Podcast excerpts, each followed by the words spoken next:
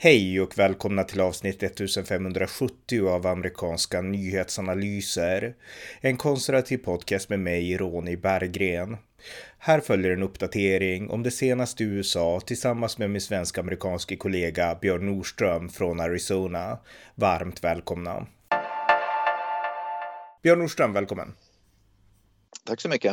Eh, tidig morgon där hos dig i USA, men vi ska ändå uppdatera lite om det senaste som hänt och eh, ja, du kan börja.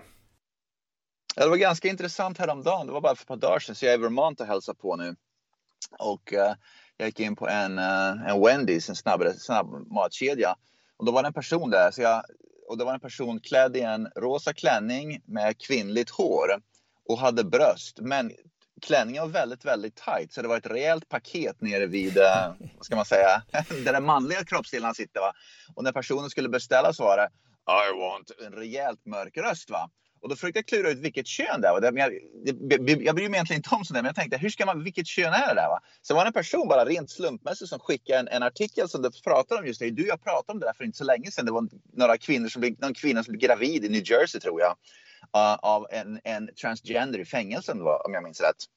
Och då var det en person som skickade ett, ett, en grej till mig som pratade om att det var en uh, en före detta man som är två meter lång som nu som satt i ett, kvinn, ett manligt fängelse i 30 år men nu sitter i ett kvinnligt fängelse igen för en könsbytare. Va? Och, och, det var andra kvinnor i det fängelset som tvingades duscha då med den där mannen. Då. De, de är ju då livrädda för det och tycker att det här är fruktansvärt och så vidare. Och så vidare va?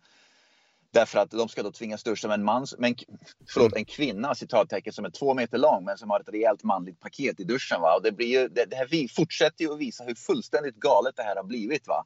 Att, att, att det här har blivit bisarrt. För att nu, det, nu har ju män kommit på att det är bättre att sitta i ett kvinnligt fängelse. Så det enda man behöver göra nu är att sätta en kvinna. Så tydligen så var det en, en, en uppgörelse mellan eh, uh, ACLU, vilket är en slags människorättsorganisation här i USA, och New Jersey, uh, vad ska man, New Jersey fängelse, Department of Corrections, fängelseadministrationen liksom då här. Mm att man ska kunna göra så. Va? Så att det här börjar bli verkligen förvirrande nu. Va? Och det var precis då jag, liksom jag nämnde det tidigare, bara för någon minut sedan, att, uh, att när jag själv såg personen i snabbrestaurangen beställa mat, när det var både en man och en kvinna uppenbarligen, det var inget snack om det. Va? Så kunde jag, det var en man från början, va? men att, vad, vad gör man med sånt här nu för tiden? Mm. Hur långt kommer det här att gå? Va? Inte för att de får klä sig hur som vill och göra hur de vill, va? men när sådana här personer hamnar i fängelset, va? Vad gör man? Mm. Ja, nej, jag tycker att det, nej, de, ska sitta, de ska sitta i egna burar så att säga. Men, men alltså. Precis, kan man, ja. kan man inte ha, kan man inte ha transgenderfängelser nu? Liksom speciella då, fe, liksom, måste man bygga tredje fängelse nu för sånt där? Precis som vi pratar om sporter, idrotter, ha tredje liksom idrotter och sånt där. Tredje typer av badrum. Och det viktiga är ju att det är ju de biologiska männen som är problemet. Kvinnorna är ju svagare Precis. så det är inte samma problem liksom. Så att, eh, ja. Men, det är intressant, för, för jag tänkte bara nämna, det är intressant hur den här jäkla kvinnorörelsen, feminismen idag, ställer upp på sånt där. Att de ställer upp på att, en, att det är män som är två meter långa som duschar med kvinnor och att det är män som är fysiskt överlägsna som tävlar mot kvinnor. Att feminismen ställer upp på sånt här helt enkelt. Att, att de väljer transgenderrörelsen över kvinnorörelsen, även om kvinnor själva är förlorarna på det hela. Det är helt otroligt att kvinnorörelsen ställer upp på det där. Mm. Ja, men det visar sig ju att de flesta organisationer idag, de drivs inte av idéer, utan det är, de följer med strömmen bara. Det som är populärt och det de tror är inne, det är den sidan de vill stå på. Men alltså, du pratar inte med den här hen-personen? Nej, nej, nej, nej. nej jag, bara, jag stod bara i kö bakom, bokstaven ja. rakt bakom. Så jag pratar inte med, jag bara observera. Mm, ja.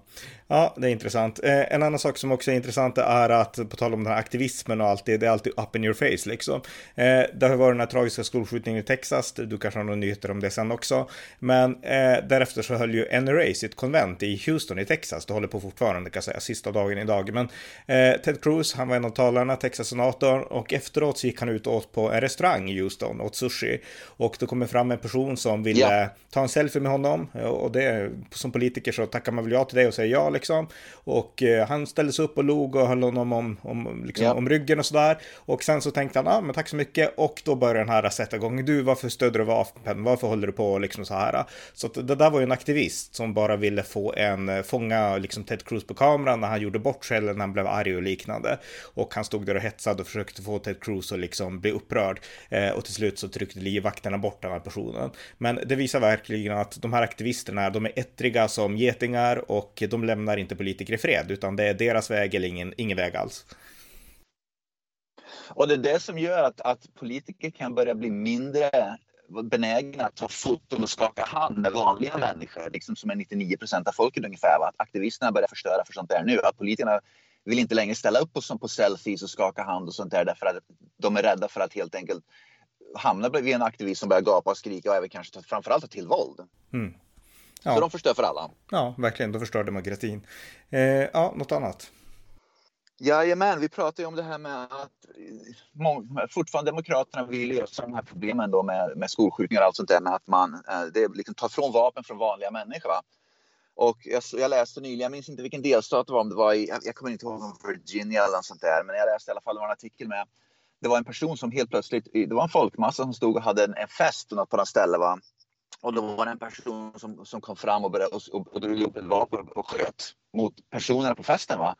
Men tack och lov så hade en annan person på fest, festdeltagare deltagare ett, ett lagligt vapen med och inom bara ett par sekunder sköt ihjäl den här okända skytten då, som bara helt plötsligt drog, promenerade förbi, det var utomhus, alltså, då, promenerade förbi och bara började skjuta. Och det visar ju då också att, att ha lagliga vapen är ju faktiskt väldigt bra med därför att om personen då som drog det lagliga vapnet och sköt ihjäl den här vad ska man säga, masskytt, den, den, potentiella masskytten, om inte den personen hade gjort det så hade den här potentiella skytten då, skytten då hade ju uh, skjutit ihjäl, det hade varit en massskjutning istället. Mm. Så att ta ifrån lagliga människor, bra, goda människovapen, slutar istället med mer masskjutningar. Ja, visst var det här i West Virginia? Jag läste en artikel om, om att, att, att det var just en, ett party i West Virginia. Okej, okay. West Virginia kanske va? Mm en kvinna som precis räddade ja, situationen. Ja, ja, det stämmer. Ja. Eh, ja, eh. Det var en kvinna jag till slut, en kvinna. Det, det, ganska trevligt. Ja, ja, verkligen, exakt. Och det är liksom precis, ja. precis. Och det, det, är också en av orsakerna till, det kan vi bara säga så här på sidan om då, att en av orsakerna till att vapen ändå är bra i sådana situationer är att det gör det ikväll. Vi pratar om transgendermän, att de är starkare, men vapen gör det jämlikt. Så det blir ingen skillnad mellan en man och en kvinna i en farlig situation. Eh, så att det är en av pengarna också. Precis. Och på tal om det, jag tänkte bara nämna en, jag, tänkte, jag tänkte bara nämna en sak till på det här om, skolskjutningarna. Va? Personen som sköt, det här pratas det aldrig om i Sverige. Du och jag har pratat om det här flera gånger förut, men det nämns aldrig i Sverige, det nämns aldrig bland demokraterna och liberaler. Skolskytten i Texas, eh, hans pappa drog, stack för två år sedan, alldeles innan pandemin. Han hade tydligen väldigt taskiga, svåra hemförhållanden. Och han, han, han saknar en pappa helt enkelt, en manlig förebild. Och det här har du och jag pratat om förut med när det gäller många svarta här. Det stora problemet som fortfarande ingen pratar om. Så fort en skolskjutning då kom, skrivs det artiklar i Sverige och det Sverige, svenskar får en hysteri över USA och då ska alla liksom lägga sig i och säga att USA ska stoppa vapenlagarna och förändra vapenlagarna och allt vad det nu är. Men det man aldrig pratar om på vänsterhåll och i Sverige det är att många barn, många pojkar framförallt växer upp i USA utan papper. Det är det stora problemet. Så vill man lösa många av de här problemen med, med att skolskjutningar, att det finns galningar, det kommer ju alltid finnas. Va? Men att svarta skjuter svarta konstant det är att man måste ha mer, bättre papper. Med andra ord att papper här i USA, mång, tyvärr för många barn som växer upp utan sina papper i väldigt, väldigt taskiga förhållanden. Men det pratar man aldrig om, speciellt när det gäller skolskjutningar. När det visar sig att väldigt många av de här skolskjut, de som skjuter i skolorna växte upp under väldigt, väldigt dåliga familjeförhållanden och ofta utan papper. Och när det gäller då att, att många svarta pojkar skjuter svarta pojkar, mm. då är det papper som ofta avsaknar. Men så, man pratar aldrig om den grejen och det är någonting som man, man upp familjeförhållandena bland många män, människor som växer upp, framförallt pojkar i USA, är väldigt, väldigt dåliga. Men det pratar man aldrig om. Det helt struntar vänstern i och demokraterna i. Ja, men, men jag skulle ändå säga att i USA pratar man, alltså kanske inte vänstern och demokraterna då, men när jag följer amerikanska medier så pratar man ofta om den här faderslösheten, till och med Barack Obama gjorde det. Eh, och jag tror att det, det görs ja. nästan på ett sätt som inte ens görs i Sverige. Ja. Jag menar, vi i Sverige är ju inte rädda för att prata om sådana ämnen alls, men det görs inte här därför att jag vet inte. Eh, men det är definitivt en, en viktig aspekt av det hela för att på sikt bygga ett tryggt samhälle och du och jag har pratat om det ofta som sagt. En annan ny nyhet som kanske har lite med samma sak att göra, det är att eh, jag såg en video nu från New York City i tunnelbanan där, en kvinna som satt och åkte tunnelbana och så kom det en svart ung man som var klädd liksom, ja, i en huva sådär, hoodie eller någonting ja. och sätter sig bredvid henne och håller ta, bara tag i hennes hår, hon hade långt hår och håller fast henne och börjar liksom, jag vet inte vad jag gör, han håller ja. fast henne i alla fall och hon blir rädd och säger hjälp mig, hjälp mig, säger hon och en person står och filmar och alla andra de tittar bara bort och låtsas inte som någonting alls och eh, nu bor jag i Norrland så jag åker inte tunnelbana i Sverige så ofta men ibland gör jag det men det kanske hade varit likadant här men oavsett alltså inget civilkurage. Det nej, det finns inte. Och det var i New York då. Det är ju ännu värre därför att det dels så om, om man gör det är som i Sverige lite grann, New York, om de skulle göra någonting finns ju risken att, att att den som hjälper till är den som blir bestraffad ungefär av rättssamhället. Men också att man vågar inte göra någonting heller. Därför att uh, det har liksom gått till den punkten att, att man vet att det kommer att bli skottlossning. Då. Mm. Så att, um, precis, folk, jag, jag, tror folk bryr sig. Hade det varit i Texas, då tror jag man lagt sig i. Hade det varit i Arizona, då hade folk fått lagt sig i. Men när det är New York, då lägger sig inte folk i längre. Därför jag tror New York har spårat ur och blivit så fegt att man inte gör det. Så jag tror det beror på delstaten, men i New York så är det ju helt där bryr sig inte folk om brott. Man helt enkelt vänder ryggen till och bara leker som ingenting har hänt. Det är som i Sverige till mångt och mycket i New York. Ja, ja det är tragiskt verkligen. Eh, ja, något mer? Jajamän, jag såg att Herschel Walker, vi pratade om honom förut, före detta NFL-superstjärna i amerikansk fotboll som spelar för Philadelphia Eagles. Han är från Georgia. Han vann, um, han är då, alla vet ju om vem Herschel Walker är naturligtvis här i USA. Mm. Uh, han vann i alla fall Republikanernas primärval i, i uh, Georgia och han ska nu ställas upp mot uh, Warnock som är Demokraternas senator i Georgia. Så att det blir väldigt, väldigt bra. Så jag tror att Herschel Walker har en väldigt god chans att vinna ett val i Georgia, faktiskt senatvalet, vilket vore utmärkt. Han är kanonbra. Så mm. att, att han är väldigt känd och har, liksom har blivit en politiker nu är väldigt bra och uh, det är sannolikheten stor att han kommer att ta den platsen nu i senaten. Mm. Från Demokraterna. Ja, det blir väldigt spännande. Eh, ja, något annat? Ja, jag tänkte bara, det var en, en skateboardtävling, minns inte vart det var, men det var i alla fall en skateboardtävling, på tal om transgender uh, där det var en, en före detta man, biologisk man, som vann skateboardtävlingen.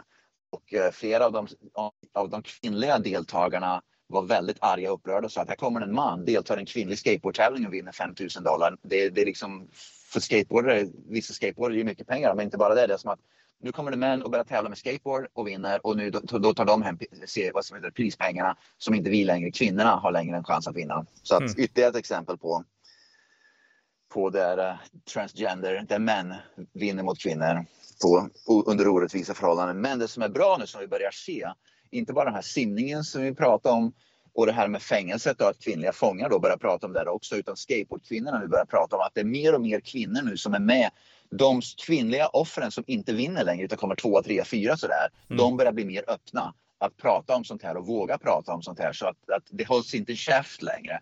För ett par år sedan höll folk käften. Nu börjar man äntligen prata om det. Och jag tror mycket har att göra med att det som skedde med simningen som vi pratade om så himla många gånger. Att det var flera kvinnor som pratade om det där som öppet gick ut och sa är fel. Att det har öppnat möjligheter för andra kvinnor att gå och prata om sådana här att det, kan inte, det blir en häxjakt men att vi kan, vi kan stå ut med det, vi tolererar det, kommer att funka ändå. Mm. Ja, det är intressant. Jag har sett New York Times har en artikel, New York Times har en artikel idag som heter eh, eh, Den handlar om Lea Thomas i alla fall. Alltså vad, det är en transgender, en man som har bytt kön till kvinna. Och den har handlat ja. lite grann, men jag har inte läst artikeln för den är låst, men den handlar om vad Lea Thomas kan betyda för liksom elitidrotten för kvinnor. Och den kan, jag vet inte om den är positiv eller negativ, ah, men okay, de, skri, de, skriver om det idag i alla fall i New York Times.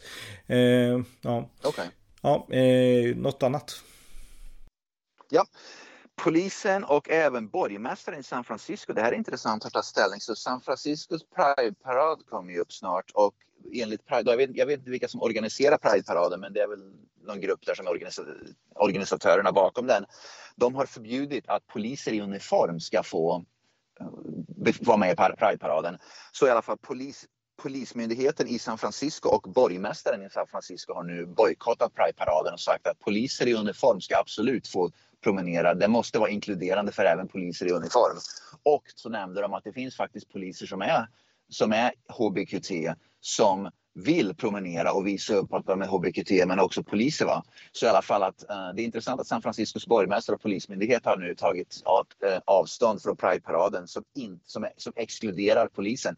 För det intressanta med Prideparaden och Priderörelsen, de pratar om att vi måste vara inkluderande för alla va? men helt plötsligt ska de börja förbjuda då vissa grupper att få promeneras i, i, i samma Prideparad. Mm. Det är det här himla hyckleriet. Va? Antingen är det inkluderande och då ska för alla få vara med eller så kan du ju säga att vi är inte inkluderande och därför kommer vi att stoppa vissa. Mm, ja, precis, precis. Ja, eh, ja, jag har inget annat. Har du några fler ämnen? Ja, jag har några, några saker till. Um, det finns en, uh, en person, en, en öppen socialist då, som är i Washington. Um, jag vet inte om det är Washington DC eller delstaten Washington, jag får kolla upp det där. Men i alla fall en, en congressional candidate som måste vara Washington delstat i alla fall. Och um, hon gick ut och skrev, och det här är faktiskt ganska otäckt. Uh, hon gick ut och skrev att uh, i Twitter att uppmanade människor att nu bryter in när ni ser, när ni med andra ord, vilka de ni nu är, eh, bryter in i tomma hem. Människ, liksom hem som står tomma när människor är på semester eller ute för dagen bara. Bryter in i de hemmen och gör vad ni vill. Det är liksom nästa steg som vi måste ta nu för att få socialismen, för att liksom etablera socialismen. Som andra, en socialist som vill bli eh, politiker i kongressen uppmanar människor att bryta, att med andra ord begå lagbrott, bryta sig mm. in i människors hem. Och det påminner lite grann om, jag såg ett, ett, ett tweet av Miljöpartiet, var det Märta Stenevi tror jag igår, där hon sa att nu ska vi skapa kaos. Överallt där vi kommer att vara med på möten nu kommer vi, allt, nu, nu måste vi skapa kaos, total kaos. Va? Det är precis samma sak. Demokratin fungerar inte för Miljöpartiet eller Socialisterna därför att de har inte tillräckligt mycket stöd rent demokratiskt på det liksom demokratiska sättet. Va? Då uppmanas det till våld och skapa kaos. Då, då, de partierna med andra ord här, liksom deras agenda är då att vi måste gå utanför demokratin med våld och kaos för att kunna få igenom vår agenda. Va? Därför att demokrat, den demokratiska vägen räcker inte till därför att vi har inte tillräckligt mycket stöd. Nej, exakt. Och det är väldigt, väldigt farligt faktiskt. Ja, jag tror hon heter Rebecca Parson, den här kvinnan. Eh, Okej, okay. ja, tack så mycket. Så att, eh, precis, man kan googla på henne om, om man vill. Eh, ja, nej, men det är intressant och det är ju väldigt allvarligt och det gör det desto viktigare att verkligen stå upp nu för men, både lag och ordning, men även rätten att bära vapen. Alltså att sunda, vettiga medborgare ska kunna få, alltså trycket nu från vänstern eh, för att legitimisera laglöshet och på något sätt svartmåla lagliga medborgare. Det, det är ju ett enormt tryck. Och det är så här som är så himla konstigt med vänstern. Va? Alla dessa skjutningar som de senaste två åren har ju skottlossningarna i USA ökat dramatiskt och morden har ju ökat med användning av vapen dramatiskt. Va? Vänstern har ju fullständigt struntat i det. De har ju uppmuntrat det genom att defund the police och allt sånt där. Och nu när det är en skolskjutning, då ska man helt enkelt ta tag i vapen och förbjuda vapen. Men det, alla de här problemen som sker nu med, med vänsterns och demokraternas politik de senaste två åren med defund polis, där, där vapen har varit inblandade, vad har de totalt vänt ryggen till? Mm. Det är så fruktansvärt hyckleri. Om de, om de hade varit kons, liksom, consistent med under de senaste två åren att vi måste förbjuda vapen därför att få slut på alla de här skottlossningarna och allt det där. Då hade det varit en sak, men att de väljer att vända ryggen till vapenproblem på ett ställe men när det är problem på ett annat ställe då helt plötsligt. Så det är det hyckleriet som jag tror många är så himla trötta på för det är så himla uppenbart. Mm, ja, verkligen. Eh, ja, jag kan bara säga som jag ser en nyhetsflash som kommer förbi det att Gavin Newsom, Kaliforniens guvernör, han har fått covid-19 kan jag bara säga. Och, eh, ja, där ser man. Ja, ja eh, du har inget annat eller? Två snabba saker till. Nummer ett, Joe Biden har nu, uh, har nu det här får ses som en, en upptrappning av retoriken mot Kina. Han har gått ut officiellt och sagt nu att om Kina planerar att invadera Taiwan baserat på det här att Ryssland invaderat Ukraina då kommer USA att militärt gå in mot Kina. Så det är en upptrappning av retoriken. Det är många amerikaner här faktiskt som, som är oroade över det nu. Därför att helt plötsligt har, har Biden lovat att, att om Kina gör någonting då blir det storkrig med Kina. Mm. Och den andra saken är att um, det här med att bensinpriserna har ju gått upp och jag vet inte om Biden sa en groda eller om det här var han menar men han, han rakt ut sa att det här är en otroligt bra transition. Man, man, man övergår till, det här är en otrolig övergång till, till eh, vad ska jag säga, eh, vad heter det, de här eh, andra typer av bränslen än bensin som amerikaner nu måste gå igenom. Och folk är jäkligt förbannade på det därför att det verkar som att att han då stödjer höga bensinpriser. Men precis som du och jag har pratat om så många gånger förut. Det är inte medelamerik medelamerikanen ser skillnader i bensinpriser men man kan liksom absorbera de priserna i, i, i, sin inkomst. Det funkar för de flesta medelamerikaner. De rika personerna bryr sig inte ett skvatt. De som straffas hårda är de fattiga amerikanerna latinamerikaner, svarta amerikaner, människor som lever i fattigdom, va? Som, som i princip lever från lön till lön. När bensinpriset går upp en krona liten, då är det kört. Då kan man inte längre ta sig till jobbet ungefär eller sätta mat på bordet. Va? Precis samma grupp som Biden och Demokraterna påstår sig värna om, det är de som straffas mest. Och det är det som jag tror inte, liksom många inte begriper. Framförallt Demokraterna och, och, och, um, och Biden själv. Att, att du straffar den väljargruppen som du själv påstår dig värna om. Mm. Ja, men tack. Ja, tack så mycket. Tack för att ni har lyssnat på amerikanska nyhetsanalyser. Ni som har möjlighet får också väldigt gärna skänka en slant till valfri organisation som i dessa krigstider bistår Ukrainas folk. Att vi nu kan fokusera på andra saker i världen än hotet från Ryssland beror på att Ukraina har tagit smällen för oss alla. Så om ni har möjlighet, stöd Ukraina med en slant. Vi hörs snart igen. Allt gott tills dess.